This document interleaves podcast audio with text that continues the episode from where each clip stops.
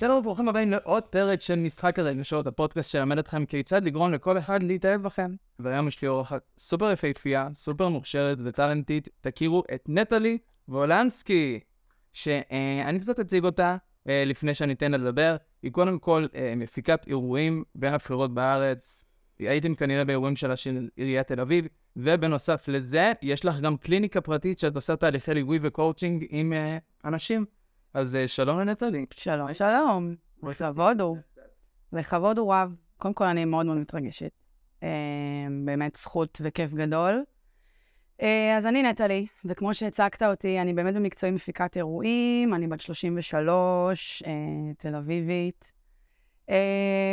ובאמת, ברוב חיי אה, עוסקת באירועים מגיל ממש ישר אחרי הצבא.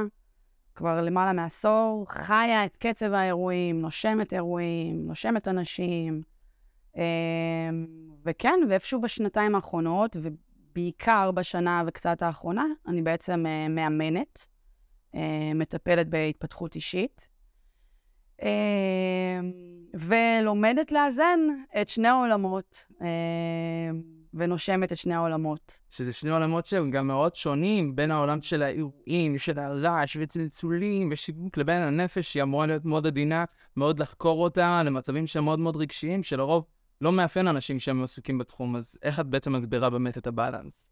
אז קודם כל, אה, אני אדבר בשם עצמי, כי אני, אני עושה עבודת התפתחות, אה, שבאמת בשנתיים האלה קפצה מדרגה, ואני מגלה אותי, ואני חושבת שכל דבר שנעסוק בו, בין אם זה הפקות ובין אם זה מכירות, ולא משנה מה תחום העיסוק שלנו, ככל שנהיה הרבה יותר מחוברים אלינו, אנחנו נצליח, אם זה בעבודה, ואם זה בזוגיות, ואם זה בכל באמת תחום אחר שנרצה בו, ביחסים שלנו עם עצמנו, ביחסים עם היקום.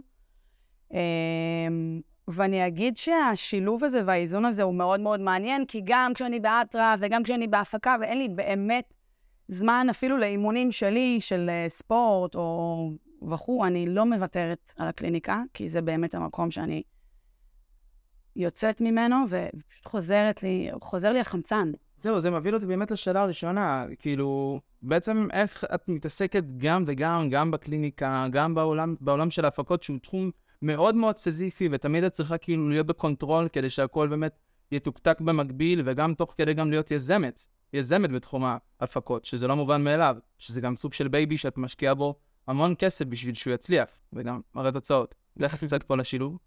קודם כל, תודה. אה, אני חושבת שזה שזה מראה תוצאות וההצלחה מגיעה והשפע מגיע, אה, זה, זה שוב, זה נובע באמת מעבודת התפתחות, התפתחות שאני עושה עליי, ואני לומדת את הכלים ולמדתי את הכלים ואני אמשיך ללמוד את הכלים, כדי באמת להעביר את זה הלאה, ליקום, למטופלים, למתאמנים שמגיעים. אמ, זה, זה שוב, זה חלק מהעבודה שאני עושה עליי, אה, שתכף אה, אנחנו נרחיב על זה, מאיפה זה התחיל ואיך זה הגיע, ובאמת הדיסוננס הזה... כזה אה, מסודר לפני כל הפקה, איך את גם עושה, נגיד, הפקה נוספת לעופרה בלי עופרה, ותוך כדי גם איך את מקבלת את המטופלים, ואיך את מכניסה את האימונים, ואיך את תוך כדי גם אה, אה, מפיקה אפילו אירוע לעיריית תל אביב, איך, איך את מסדרת לעצמך את הלו"ז? אז, אז קודם כל מסדרת לעצמי את הלו"ז, אה, זו התשובה, וזה חלק, זה חלק מה, מהשגרה, זה חלק מהיום-יום שלי. זה, זה שוב, האימונים והמתאמנים הם שיקוף אליי, ואני לא סתם יוצאת מהאימונים האלה עם... אנרגיה. כזה. אני, אני מתמלאה בחמצן, ואני מתמלאה באנרגיה, ואני יוצאת באמת חדשה. אה, אז באיזשהו מקום זה necessary, אה, זה אפילו must. במקום מסוים, אבל אה, אני רואה אותך גם באירועים שאת מייצרת, שאת נהנית בהם, שאת מרשה לעצמך גם להיזרק ולהגיד, וואו, איזה כיף, עשיתי את זה, אני נהנית שנייה מהעשייה שלי במומנט, ואני, ואני חיה את זה. איך לרוב, במיוחד בתחום ההפקות, שאת צריכה להיות מאוד כזה כיפית וחיובית כלפי אנשים, ותוך כדי גם לנהל כל כך הרבה דברים במקביל. זו שאלה מדהימה, כי אני באמת חושבת שהיום אני זוכה באמת לראות וליהנות. קודם כל זה ב-DNA. אמ, שים אותי במשרד, שמונה עד חמש, אני... כאילו, או אם אני לא אמות, אז כנראה מישהו שאיתי במשרד ימות. אה, זה לא עובד, זה לא, זה לא אני, אני יודעת את זה מגיל צעיר, אה, אני יודעת שאני מגיל 16 עובדת, וכל מה שעבדתי וכל מי שהתעסקתי איתו, אה, אני, אני בתנועה. אה, ש, שגם לתנועה הזאת, כשהגיעה העצירה שלי דרך הקורונה, באמת הבנתי שקצת הייתה בתנועה הזאת גם בריחות, אבל, אה, אבל, אבל זה באמת חלק ממי שאני. יש לי את הבן אישי, ואני אוהבת לעבוד מול אנשים ועם אנשים, ולהביא אותי, ולזכור שלא משנה מה התפקיד שלי, ואם אני רופא בכיר או מפיקת על חלל, אני עובדת ואני מביאה את עצמי, ואני, ואני עובדת מול אנשים. וקורים, וכל הזמן קורה משהו, אם זה יותר לשביעות רצוני או פחות לשביעות רצוני, אבל ככל שאני יותר מחוברת אליי, אני אתכווץ פחות, וגם כשאני אתכווץ, אתעצבן, אני אדבר רגע בשפה ש... אתעצבן, העלב. מה שאת רוצה, הפודקאסט, בשונה מפודקאסטים אחרים, הוא הכי לא פוליטיקלי קורקט. מהמם. אז ברקע סאדו מאזו, באמת. לא, אז אני רוצה להסביר מה זה אומר קיבוץ, כי אה, אולי לא כל אחד יתחבר, אבל קיבוץ זה אומר כשמישהו אומר לי משהו עכשיו ש- ואני מתעצבנת, שמשהו שאני מבקשת שיקרה או לא קורה, או, או, או וכו'. אז ככל שאני הרבה יותר מחוברת אליי, ופה מגיעה עבודת ההתפתחות האישית, אני אהנה מזה גם בהפקות. וגם, רגע, לפני ההפקות, אני, יש לי גם חיים.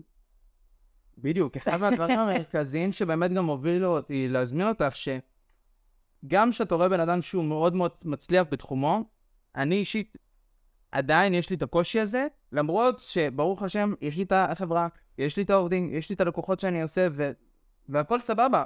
זה הכל סבבה, קשה לי עדיין להוריד רגל מהגז. אני עדיין כל הזמן מרגיש צורך באמת לשים את זה על פול גז בשביל להגיע יותר רחוק. אפילו גם הפודקאסט, זה משהו שיצרתי אותו, כי ר...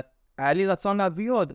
ושאני פתאום רואה אותה על שפת ה- אגם הכנרת, בשישי שבת, אחרי שהיה לך אמנם אולי איזה מסיבה אה, שעשית שבוע שעבר, או ליין של מטופלים, אני אומר, וואו, איך בא לי שנייה לשחרר את עצמי, ולא פעם באיזה חודש, חודשיים, וליהנות גם, לעצור וליהנות מהעשייה שלי. אז כאילו, איך את מציעה לאנשים שכמוני, להוריד שנייה את הרגל בשביל ליהנות שנייה מהעשייה שלהם? השאלה אבל גם מה יקרה כשאתה תוריד את הרגל. האם שם באמת תאפשר לך? או שאתה כל הזמן תחפש מה עכשיו אני עושה? רגע, מה קורה עם הפודקאסט? רגע, אולי אני אעלה עכשיו איזה משהו. חופש אמיתי, אותנטי, הוא לאו דווקא אומר עכשיו לשבת על שפת הכנרת. הוא לאו דווקא אומר עכשיו לטוס. אה, חופש אמיתי זה גם כשאנחנו בעשייה, גם כשאנחנו בעשייה ואנחנו שמונה בבוקר ומסיים את היום שלי ב-12 בלילה ולמחרת עוד פעם בבוקר. אבל, אבל אני בחיבור אליי, נכון, אני עדיין מרגיש את החופש מהעבודה שלי. זה החופש. לכן אני מצליח באמת אה, זה לשמור על אנרגיה גבוהה. מעניין, כי אמרת חופש מהעבודה שלי, למה אתה מתכוון? חופש מעבודה זה שנייה להשתחרר מ- מ- מהתוכניות הגדולות שאני רוצה להשיג. כלומר, מהמחשבות? בכללי, תוכניות גדולות, נגיד כמו הפלטפורמה שאני עכשיו מקים לבעלי עסקים, ועוד אה, אה, קורס דיגיטלי שאני צריך לצלם בשביל הפלטפורמה, ועוד כל מיני דברים שאני צריך לעשות, ולשים את זה בצד ולהגיד, אוקיי, גם אם אני שישי-שבת, לדוגמה, ילך ו- ו- ו- ובאמת יתנתק שנייה, אני אחזור עם מצברים חדשים. אז כן היה לי עכשיו התפרקות שנסעתי לטומארולנד לארבעה ימים, וזה היה וואו, אוקיי? או שהייתי בפסטיבל בברצלונה ונהניתי ממש. אבל מצד שני, גם הרגשתי קצת חוסר אחריות ש- ש- שהייתי שם, כאילו לא... הייתי משוחרר, אבל לא הסוף, כי אני עצמאי, זה, זה, זה, זה אחרת. החוסר האחריות, החוסר האחריות הזה, מה זה אומר שאני שאני, אני לא בסדר שעכשיו אני לא עובד? אני לא בסדר, זה שכאילו, אני יכול באותו זמן כאילו להתקדם למטרות הגדולות שלי, וכאילו, ואני כבר רואה אותן קורות. או שבכללי, הנה, כרגע יש לך את הליין, אז איך את יכולה לפתח אותו עוד יותר, ואיך את יכולה להעצים אותו? אז איך את בעצם עדיין אה, שומרת על קטע של דפוסים שאת מאפשרת לנפש שלך באמת להירגע, ותוך כדי עדיין להרגיש שאת ב- בהתקדמות? עניין של בחירה. עניין של בחירה. אם אני עכשיו בוחרת באמת רגע להיות בשקט עם עצמי, ללכת לים, לנסוע, לטוס, זה עניין של בחירה. אני יכולה גם לקום בבוקר, באמת הלו"ז שלי הוא מכאן עד אה, אלוהים ישמור, אבל אני יכולה לבחור האם לקום בבוקר ולהגיד, וואי, אין לי כוח, תשחררו אותי, בא לי עכשיו באמת לשים מצב טיסה ולהטיס את עצמי לאנשהו, או באמת לבחור ולהגיד, רגע, אני כאן כי אני בוחרת בדברים האלה, אני אוהבת את מה שאני עושה, זה נוח לי, זה מתאים לי. זה אנרגיה, נכון. אוקיי? ואני לא אגיד שהכל בונה אכפת לי ואין לי ימים שבא לי לקום ולשים באמת על מצב טיסה ולהגיד, חפשו אותי בסיבוב, אבל זה רגע לנשום ורגע גם לשהות במקומות האלה שאני אומרת, וואלה, לא בא לי עכשיו. וגם בלא בא לי, באמת לאפשר לעצמי לא בא לי. גם אם זה עכשיו חצי שעה, להתחיל את היום באיחור של שעה בלוז. ואני לא, ואני גם אהיה כנה ואותנטית, שאני אגיד לפעמים שאני מגיעה לאימונים ולטיפולים, שאני אומרת, וואו, אני חנוכה. אבל אני רגע נשארת בחנק הזה, נותנת לו באמת להיות, ולא בורחת, כי אז אני עושה פעולה הפוכה.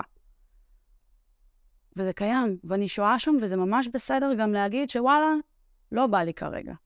מרגישה את הנפש שלה, ואת מדברת. כל הזמן, כל הזמן. זה את הנפש, זה את הילדה, זה... ומשם אני ממשיך לשאלה השנייה. בעצם מה, מה הטיפ שלך לאנשים שבאמת רוצים להצליח בתור יזמים בכל תחום בחיים ומפחדים בעצם אה, לחוות כישלון? כי את יודעת, יכולת להשקיע עכשיו בליין פתאום, להוציא 40 אלף שקל ולא לראות מזה שקל. נכון. ואני אגיד רגע שאני אני אקח את המילה כישלון שאמרת, ואני למידה. אני אקרא לה מדרגה מדרגה. באיזשהו מקום. אני מכיר למידה. אה, למידה, מד- מדרגה, צליחה. סיים סיים. אה, ובעצם, מה קורה לנו כשאנחנו חווים כישלון? מה קורה שם? עולה כאב, ואז אם אני אקח באמת את הכאב הזה, אני אסתכל על חוויית הכאב כהכשרה רגשית. הכשרה מנטלית. ואני אסתכל רגע על כל המכלול הזה, ואני אבין שמכל הדבר הזה אני יכולה לצמוח, ואני יכולה לגדול, ואני יכולה להתפתח, ואני יכולה להתייעל, ואני יכולה ללמוד. כלומר, הכישלון הזה, אוקיי, אז עכשיו אני יודעת איך לא להתנהל בפעם הבאה. עכשיו אני חווה קושי, מדהים, אני אשהה בקושי הזה, ובפעם הבאה שאני אחווה עוד פעם קושי, אני כבר יודעת לשהות שם ולהתמודד איתו, ואני צומחת מהמקומות האלה. כלומר, יש כאן איזושהי פרספקטיבה להסתכל גם על כישלונות, גם על קשיים, גם על כאב, גם על...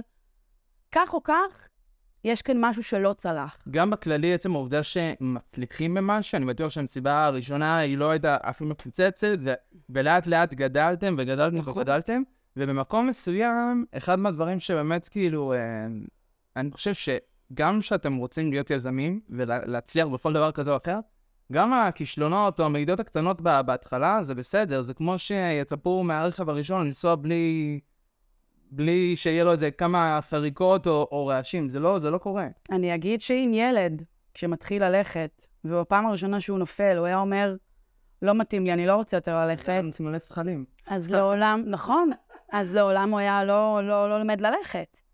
אז הוא נופל בפעם הראשונה, ובפעם השנייה הוא עושה שני צעדים ואז נופל, ובפעם השלישית הוא עושה כבר חמישה צעדים ואז נופל. אפשר רק להתפתח וללמוד משם. ויותר מזה, אני אפילו לוקח את זה אפילו לאיזה מטאפורה, שהרי כל מי שהיה בתאילנד יודע שיש גם פילי קרקס, שבהתחלה שהם קטנים, אז שמים להם את, ה, את הלבנה, שמחוברת בעצם לאף שלהם, ובעצם הם לא יכולים לזוז. ואז מה שקורה, הם גדלים וגדלים וגדלים, ול, וגם שהכוח שלהם הוא עצום, ובהינף של חדק הם יכולים לשבור את זה, הם עדיין יישארו מקורקעים לקרקע בגלל האמונה המקבילה שהם לא יכולים לזוז. נכון. אז לפעמים אנחנו יכולים להיות סופר חזקים בתור אנשים וסופר כישרוניים ו- ויכולים באמת להצליח בתחום שלנו, שלפעמים גם ללכת באמת לטיפול, לקואוצ'ינג, למישהו שישמע מאיפה האמונות האלה אה, משתלטות עלינו בקבלת החלטות ביום-יום, יכול בעצם לגרום לנו לשבור את השרשרת, מה שנקרא. אז בהקשר לזה, מה, מה, מה הטיפ שלך בסופו של דבר לבן אדם שהוא באמת רוצה לעשות משהו, בין אם זה להשקיע עכשיו במיתוג שלו, או לפתוח באמת איזה קורס, הכשרה, ליין, מה שזה לא יהיה, לעשות את הצעד הראשון ולא לפחד מהמדרגה הבאה, הלמידה, הכישלון. אוקיי, אז קודם כל, אחרי שהבנו בפן הבאמת רגע להסתכל על זה בפרספקטיבה שונה, כאל באמת חוויה חיובית שאפשר לצמוח ממנה ולגדול ממנה, יש כמה מהלכים. יש קודם כל, קודם כל את המהלך האסטרטגי, שזה בעצם, לא משנה באיזה תחום אנחנו, למצוא לנו איזשהו מודל, איזשהו מנטור, מישהו שאנחנו רוצים באמת להצליח בתחום, ואותו בן אדם כבר הצליח שם. אז באמת, לשאול את השאלות הנכונות, אה, להביא אותנו, להתייעץ, לפעול. כלומר, כל הזמן להיות בתנועה. זה בפן האסטרטגי, עסקי, כל אחד ייקח את זה באמת למקום שלו. בפן הרגשי, זה ממש כמה שיותר להתחבר רגשית אלינו. כלומר, יש את אפקט העדר, שאם עכשיו כולם עושים משהו, אז יאללה, אני גם אעשה. לא לחכות אנשים, אלא באמת להביא אותנו, להתחבר אלינו. יש אה, הזמנת מציאות שאני עושה את זה עם המתאמנים. כלומר, אותו דבר שאני רוצה להגשים, לא משנה מה זה, באמת יזמות, זוגיות וכו', זה לכתוב את זה וזה לדבר את זה בלשון הווה. כלומר, כשזה כבר קרה, כשזה כבר קורה. גם דרך דמיון מודרך, או רק דרך... גם דרך דמיון מודרך. תראה, דמיון מודרך זה משהו שהוא נקודתי, כן. קורה בטיפול. אבל הזמנת מציאות, אני יכולה לעשות לזה סקרין שוט כזה ולשים לי את זה ב- ב- במסך, או... בדיוק. וממש באמת לכתוב את זה בזמן הווה, ולכתוב שם גם מה אני מרגישה כשהדבר הזה כבר יתגשם. ממש לדבר על זה בזמן הווה. זה הזמנת המציאות, ובאמת כמה שיותר להתחבר אלינו. אוקיי, מושלם. גורם לי בעצם באמת לחבר אותנו לשאלה השלישית, שאת באמת מציגה חיים מושלמים, הצלחה בהמון המון תחומים, אה, אבל עדיין, איפה את עדיין חווה קושי, ואיפה את עדיין מתמודדת איתו ביום-יום? כי בסופו של דבר, את יודעת, כל אחד חווה את זה. בסדר לפחות.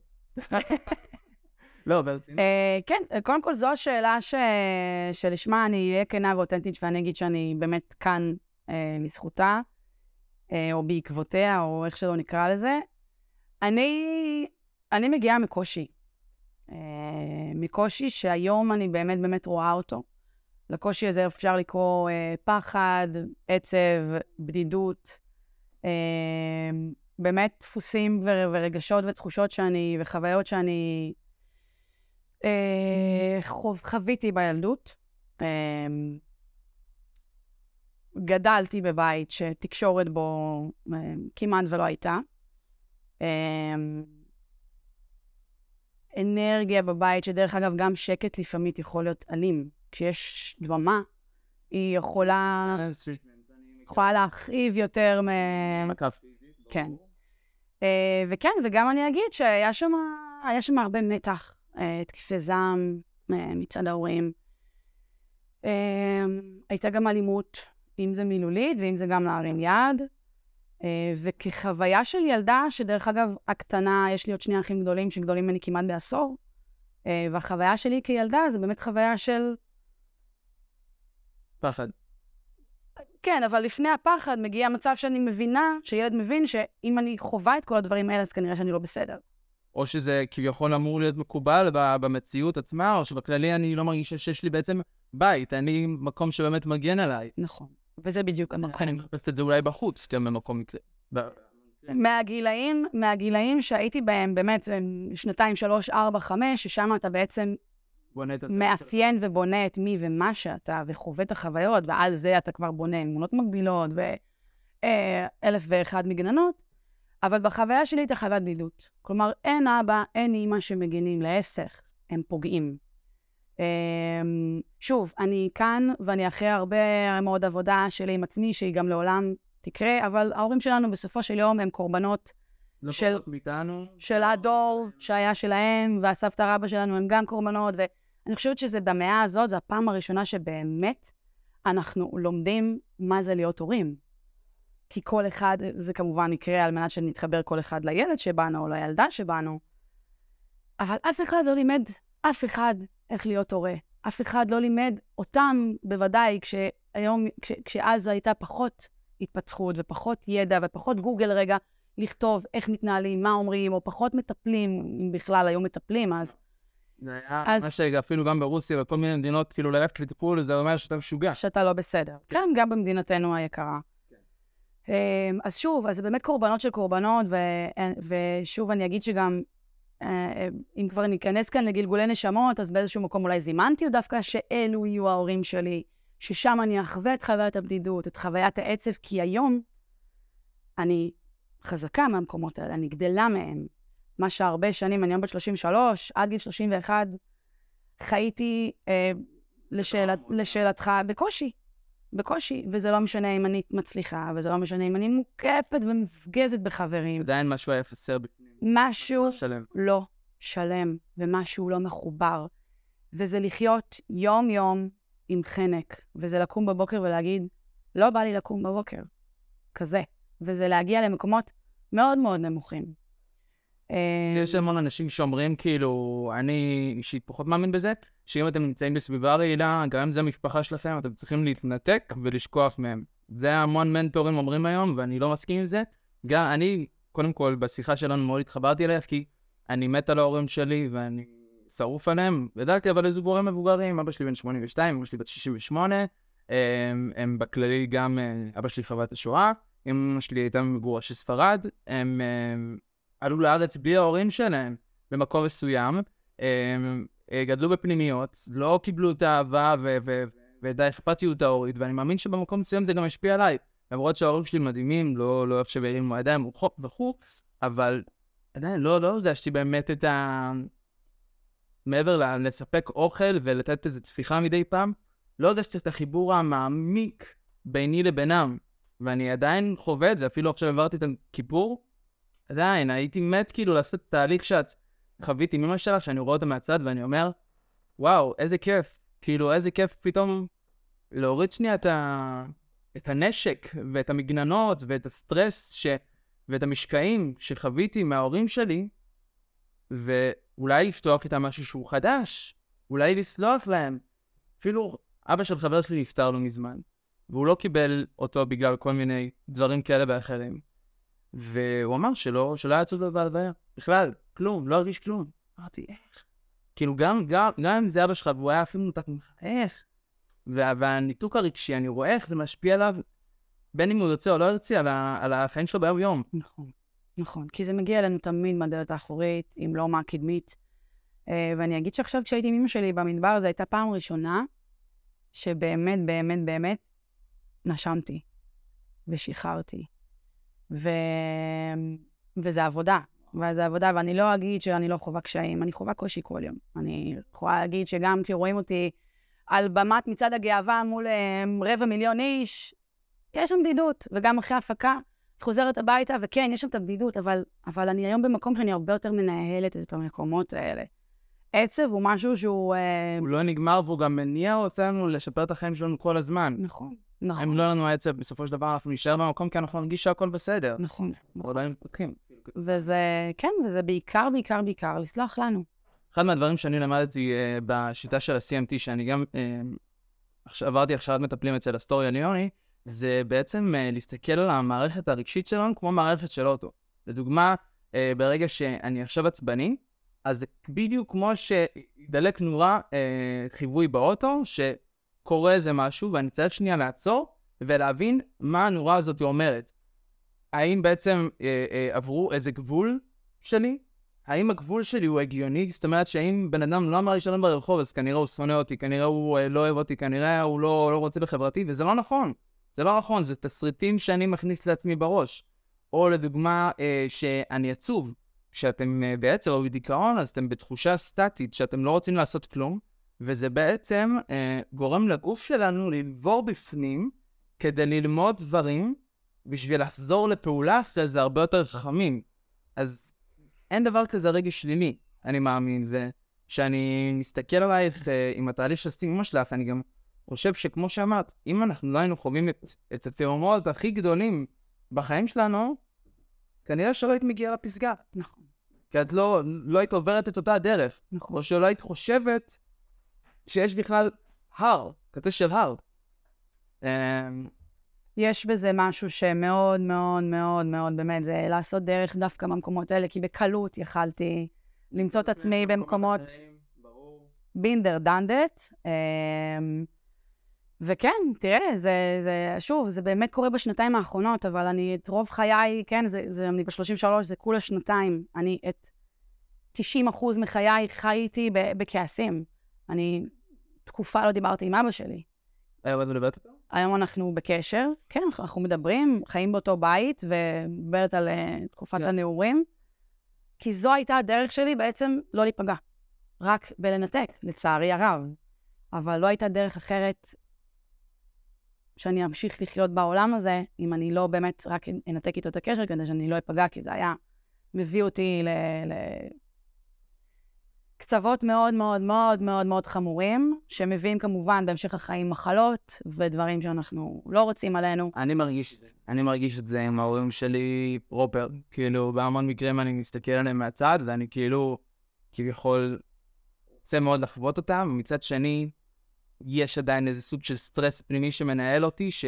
מונע ממני לעשות פעולות, או שגם אפילו כועס אליהם, גם בלי סיבה, שאני אומר לעצמי, כאילו, ברק, מה אתה מטומטם? מה נסגר איתך? כאילו, תשחרר שנייה, תפסיק להיות קוץ בתחת.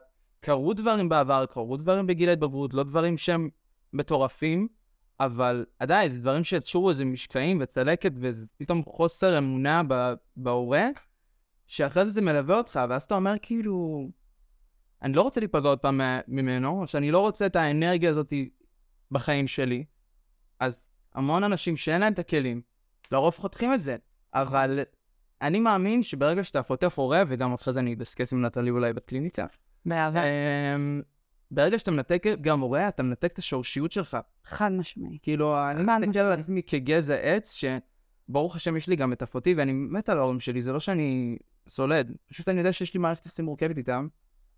אמ, אני מרגיש שיש לי עדיין דרך אחותי, סוג של שורש באדמה, שלא משנה מה יקרה, בין אם זה בני זוג, חברים, או טריליון אנשים שייכנסו ויצאו מהחיים שלי, היא שורש מאוד חזק בעץ שלי ביום-יום, שאני יודע שהוא מלווה אותי.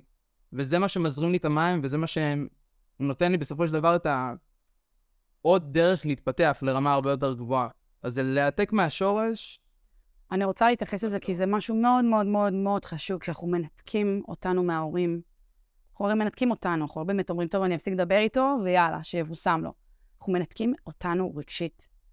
ואחרי זה אנחנו פוגשים את זה, אנחנו פוגשים את זה אל מול זוגיות, יש כאלה שבכלל לא ינסו, אה, לא יצליחו בכלל לנהל זוגיות, יש כאלה שלא יאמינו באנשים אחרים, כי אם בעצם ההורה לא הגן עליי כהורה, אז למה שמישהו אחר יגן עליי? כלומר, אז- אפשר לפגוש את זה באמינות, בביטחון באנשים, בלהעביר רגש, בקודם כל לסמוך עלינו. גם יותר, ו- אני גם מאוד מאמין שכמו שאומרים אפילו במ- במיוחד ביום כיפור, שברגע שאתה כועס על בן אדם, אז גם אם הוא לא יבקש ממך סליחה, תגיד לו שאתה סולח לו, כי אתה משחרר מעצמך נכון. את הכעס. נכון, אתה מאשר לעצמך שאתה חווית את השיעור עם הבן אדם, נכון. וגם אם במקום מסוים הבן אדם, גם אחרי שכביכול סלחת לו, אומר, אני לא צריך את הסליחה, אני לא צריך בכלל לבקש ממך סליחה, זה בסדר. אתה עם עצמך עשית את העבודה, שאתה תפגוש אותו רוב הסיכויים, אני לא אזכיר שמות, תפגוש את הבן אדם עוד עשר שנים, שאתה תהיה במקום שהוא צחק עליך, שלא תצליח להיות בו, ואתה ביקשת, בעצם כאילו לא ביקשת, סלחת לו על מה שהוא, עשית, שהוא עשה, אז אתה תבין כמה זה היה חיוני והכרחי להתפתחות שלך. נכון, וזה גם לסלוח, וזה אפילו להגיד תודה, תודה לאותו בן אדם על השיעור הזה, ותודה להורים שלנו.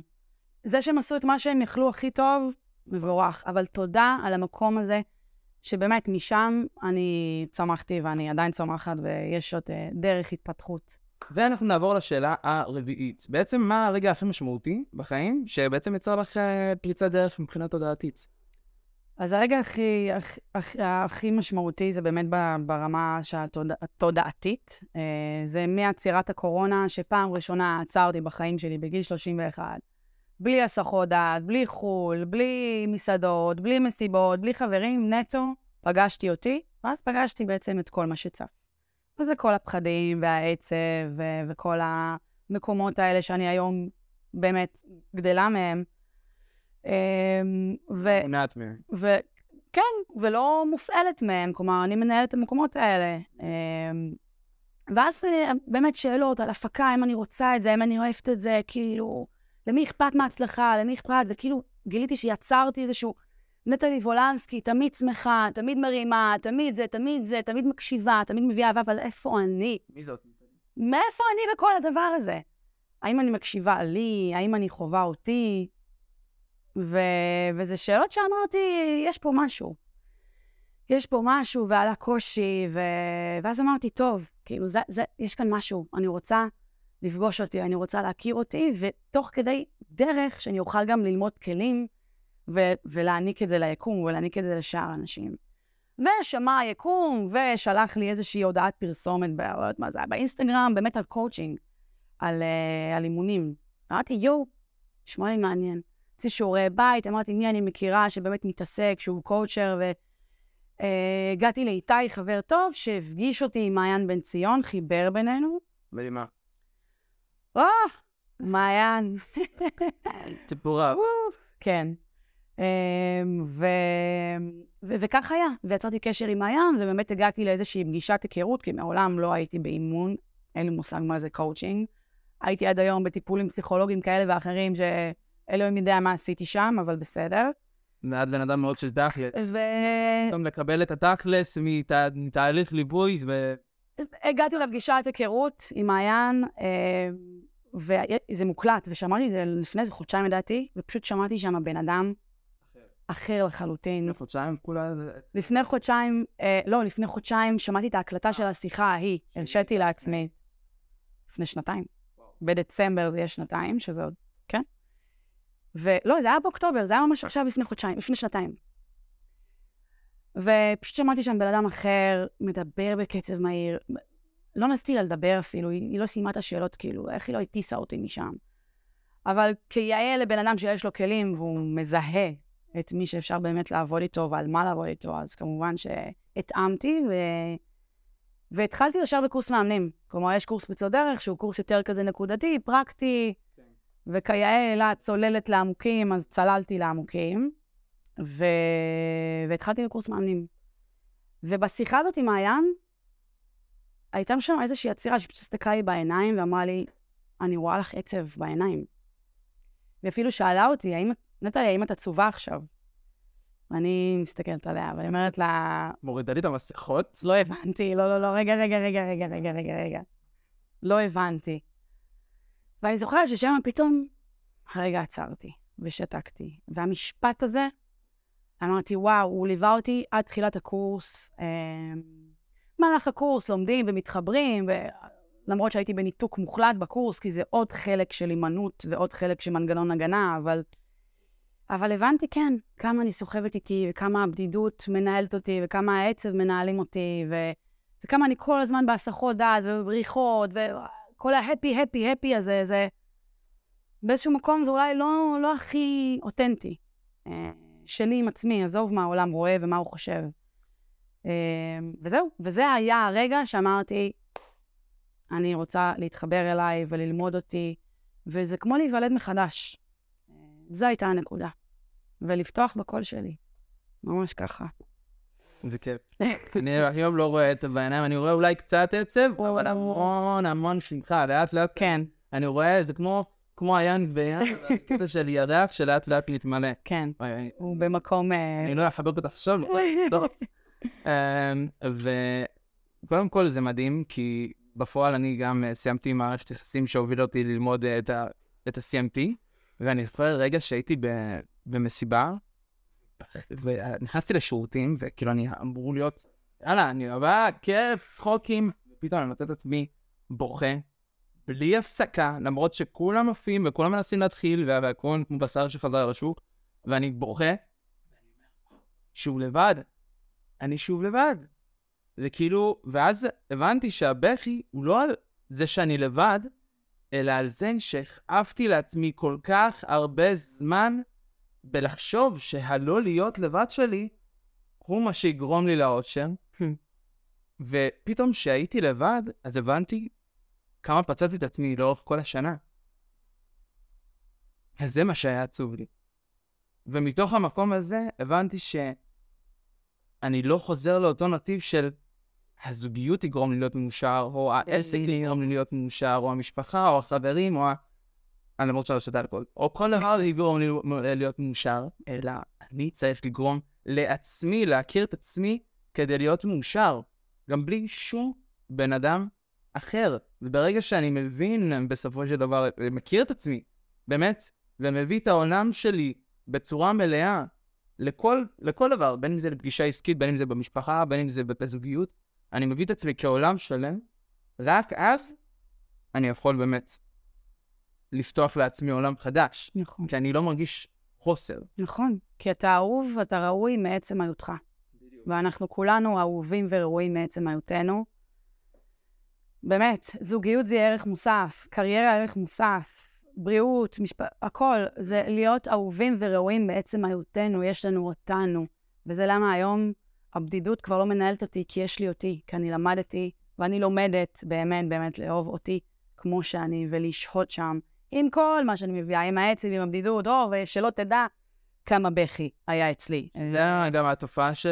עכשיו אומרים, זה התופעה, המשבר הבא, זה לא איזה מחלה או משהו, זה משבר הבדידות. נכון, נכון. נכון, כי הדבר הזה, כמו כל הסמארטפונים האלה, אנחנו מפוצצים בהסחות. דעת, עזוב, אלכוהול. אה, מסכים, וזה סמארטפונים, וזה, וזה... כל אחד ימצא את הנישה שלו, וזה שופינג, וזה סקס, וזה אה, קניות, וזה סמים, וזה אלכוהול, וזה חו"ל, וזה... כל דבר שרק אנחנו לא רוצים לשהות ולהרגיש כאב. זה מה שמוביל אותי באמת לשאלה האחרונה. בעצם, מה, מה הסוד שלך להרגיש באמת שלמה ומחוברת לעצמך ללא אישורים מהסביבה או אהבה? כי זה לרוב מה שמנהל אותנו בעידן הנוכחי. יש משפט שמיקה בן שאול, שהיא גם חברה טובה והיא מהממת, והיא וואו, איתי, באמת, אנחנו ביחד לאורך כל הדרך, מה לא עברנו ומה גם עוד נעבור, ואיזה כיף שיש אותה, והיא באמת אור ביקום הזה. והיא אומרת משפט, בטחי בקולך, פתח בקולך, ביטחו בקולכם. התשובות תמיד נמצאות אצלנו. כמות הפעמים שהלכתי לטיפולים, כמות הפעמים שהלכתי לקורת בקלפים, קורת בקפה, קורת בכוכבים, קורת בדשא סינתטי, לא יודעת כבר במה היא קראה, אוקיי? רק כדי לחפש תשובות, רק כדי שמישהי, מישהו יגידו לי, נטלי, א', ב', ג', ד', זה נכון, זה לא נכון. עזוב, שלא נדבר על הכספים שכבר הוצאתי שם, אבל כל החיים לחפש תשובות, לחפש... אבל זה רגע לעצור וזה להבין שזה נמצא אצלנו. וזה, וזה סוד הקסם. וקצת התנתקתי מהשאלה, זה עוד איזה סוג של... בעצם אה, שאת מרגישה שלמה ומחוברת גם בלי אישורים מהסביבה או אהבה. מעולה, אז בסדר, אז זכרתי. אז אה, לאנשים תמיד יהיה מה להגיד. אה, וכשאתה, ככל שאתה באור הזרקורים, אז בכלל יהיה לאנשים מה להגיד, והלוואי וכולנו היינו מחוברים לעצמנו, וכשבן אדם מחובר לעצמו ואוהב אותו, והוא ראוי מעצם מהותו, מה האחר אומר או מה האחר עושה, להפך, הוא יסתכל על זה בחיוך, בחמלה. אה, אז, אז זה לאחל קודם כל שכמה שיותר ביקום יהיו מחוברים אלינו, אל עצמם. וזה להמשיך להיות מחוברת אליי, וזה לאהוב באמת באמת אותי, ולהיות מחוברת אליי, ולהמשיך בדרך הזאת, ולבטוח בקולי, ולהמשיך בערכים שלי ובאני המאמין שאני מאמינה, ולהמשיך להתפתח ולצמוח, ולהמשיך גם להעניק את זה לסביבה שלי, ו... כי אני יודעת שבכל דבר שאני אגע בו, אני אצליח, כי אני מביאה אותי. אה, אני לא מחכה מישהו, אני לא מנסה לפגוע במישהו, אני באמת פועלת לפי הערכים שלי. אנחנו באמת מונעים מאור, נכון. ומדייקים את עצמנו, נכון. ומחוברים באמת לעצמנו, אז גם אם יהיו הסחות דעת, או אם יהיו אנשים שיורידו אותם, כמו שאמרת, בטחי בקולך, לפתוח באמת בקול הפנימי שלי, של מה שנכון לי, מה שמדויק לי, וגם אם עכשיו אני אקח חודש של חופש כדי להתחבר שנייה לעצמי, נכון. גם כשאני ארוויח פחות את הסכום שאני עושה בחודש, ואני שנייה אתכנס לתוך עצמי ואבין בדיוק מה שנכון לי, ועשיתי את זה גם במהלך השנה האחרונה, אחרי זה שום דבר לא, לא יכול לעצור. שום, שום בן אדם שילעג או שינסה להקטין, או ש... אני, אני חווה את זה, כאילו במקום מסוים, שאת יודעת שלהמון אנשים, בקהילה מסוימת, אני יכול לראות כמו עוף מוזר, ומתיימר או משתחצן, וזה בסדר. וזה בסדר, הם יכולים להסתכל על זה בצורה הזאת, או שיכולים להסתכל על זה בקטע של אני עושה מה שנכון לי ומה שמדויק לי, ומי שרוצה להצטרף ל- למסע שלי, וכמו שאומרים, כשרוצים ללכת רחוק, אז מקרבים אנשים שהם באנרגיה שלך. נכון. וכשאני שמעתי אותך בטלפון, וכשאני רואה אותך אה, במסיבות, אני אומר, וואו, כאילו, בא לי להיות קרוב אליה, כי פ- פ- פתאום אני רואה מישהי מזכירה לי קצת אותי, ש- שלא מפחדת להוציא את האש שלה ולהיות רבקיסטית ו- ולהיכנס עד הכל ו- ו- ולשבור שיניים, העיקר שהיא מקשיבה את עצמה. אני, חוש... אני חושבת שמה שמחבר אותנו זה עניין המודעות. גם. שלא כל כך נגענו בו, אבל זה באמת להיות, מוד... להיות במודעות אלינו. למה באמת אני חווה עכשיו? למה באמת אני מרגיש עכשיו? למה באמת אני רוצה לעשות עכשיו? ומשם קפיצת מדרגה עסקית. ומשם והלאה, מה שקורה צריך לקרות. אנחנו, עצם זה שאנחנו בכאן ועכשיו, זה ממש מספיק. זה בסדר כמו שזה. זה המודעות. אותי בסופו של דבר למשימה שאיתה אנחנו סוגרים את הפרק, ואני רוצה שתתני משימה מהעולם תוכן שלך, שכל בעל עסק באמת אוקיי. ליישם כדי לראות קפיצה. קודם כל באהבה, ואני אגיד עוד איזה חצי משפט, שזה גם נוגע למשימה. כשאנחנו חווים קושי, כשעולה קושי, זה לא להירתע מהמקום הזה, להפך. זה להבין שאם יש קושי, יש תנועה. כי אם לא נחווה קושי, סימן שאנחנו תקועים. סימן שמשהו, משהו באמת תקוע ולא עובד. אז לא לפחד מעניין הקושי. כשיש קושי יש תנועה, ואם יש תנועה יש שינוי, וזה מה שאנחנו בעצם רוצים.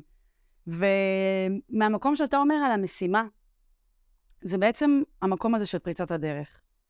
אה, פריצת דרך יכולה להיות בתחום של קריירה, זוגיות, יחסים שלנו עם עצמנו, בריאות, משפחה, קחו את זה לאן שתרצו. אה, וזה לחשוב באיזה תחום אני באמת רוצה, רוצה לפרוץ דרך. אה, מה מונע ממני לפרוץ דרך היום, ומה צריך לקרות מבחינתי כדי שאני באמת אפרוץ שם דרך. ואפשר בכיף לכתוב לי, אני אשמח דווקא. ואני כמובן לעקוב אחרי נטלי באינסטגרם. אינסטגרם, אה, בכיף, אה, יש. אני גם אתעד אותה כמובן בפוסט. וזה באמת לשבת ולכתוב ולהתחבר באיזה תחום אני רוצה, רוצה לפרוץ דרך. אה, באמת לזמן את הזוגיות שאני רוצה, אם זה יזמות, אז ליזום איזשהו משהו עסקי, או בכלל, לא יודעת מה, אחד רוצה להתחיל לרוץ, או לשנות תזונה, או קחו את זה, או להיות ביחסים טובים עם ההורים, קחו את זה לאן שתיקחו את זה. ונסיים במשפט הכי יפה, ביטחו בקולכם. ביטחו בקולכם, של מיקה. ממש ככה. ברגע שאתם תהיו בטוחים במה שאתם רוצים לעשות, נכון. היקום מסתדר. תודה, תודה ליקום, ותודה על הרגע, ותודה לך על ההזמנה הזאת, ו... ויאללה, שנלך אחרי הלב. אנחנו נתראה בפרק הבא, ועכשיו אני אלך לדף חיבוק.